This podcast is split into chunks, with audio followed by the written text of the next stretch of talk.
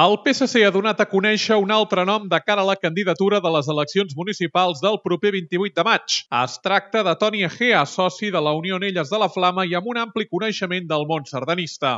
En el seu discurs de presentació, Egea ha assegurat que ha acceptat integrar-se a la llista socialista amb la voluntat d'apropar la cultura a tots els col·lectius. La nostra candidatura potenciarà la cultura a nivell de tots els seus àmbits, però vull remarcar que eh, des de la nostra candidatura volem arribar a totes les persones de Valls. És important que aquest nucli important de gent que no participa a la cultura assiduament, doncs eh, la puguem integrar. L'alcaldable del PSC, Rosa Maria Ibarra, ha destacat que estan preparats per liderar un govern de canvi. D'altra banda, ha recordat que des del seu grup parlamentari han demanat incorporar una partida partida de 200.000 euros al pressupost de la Generalitat per desencallar la licitació de la gestió del Museu Casteller de Catalunya.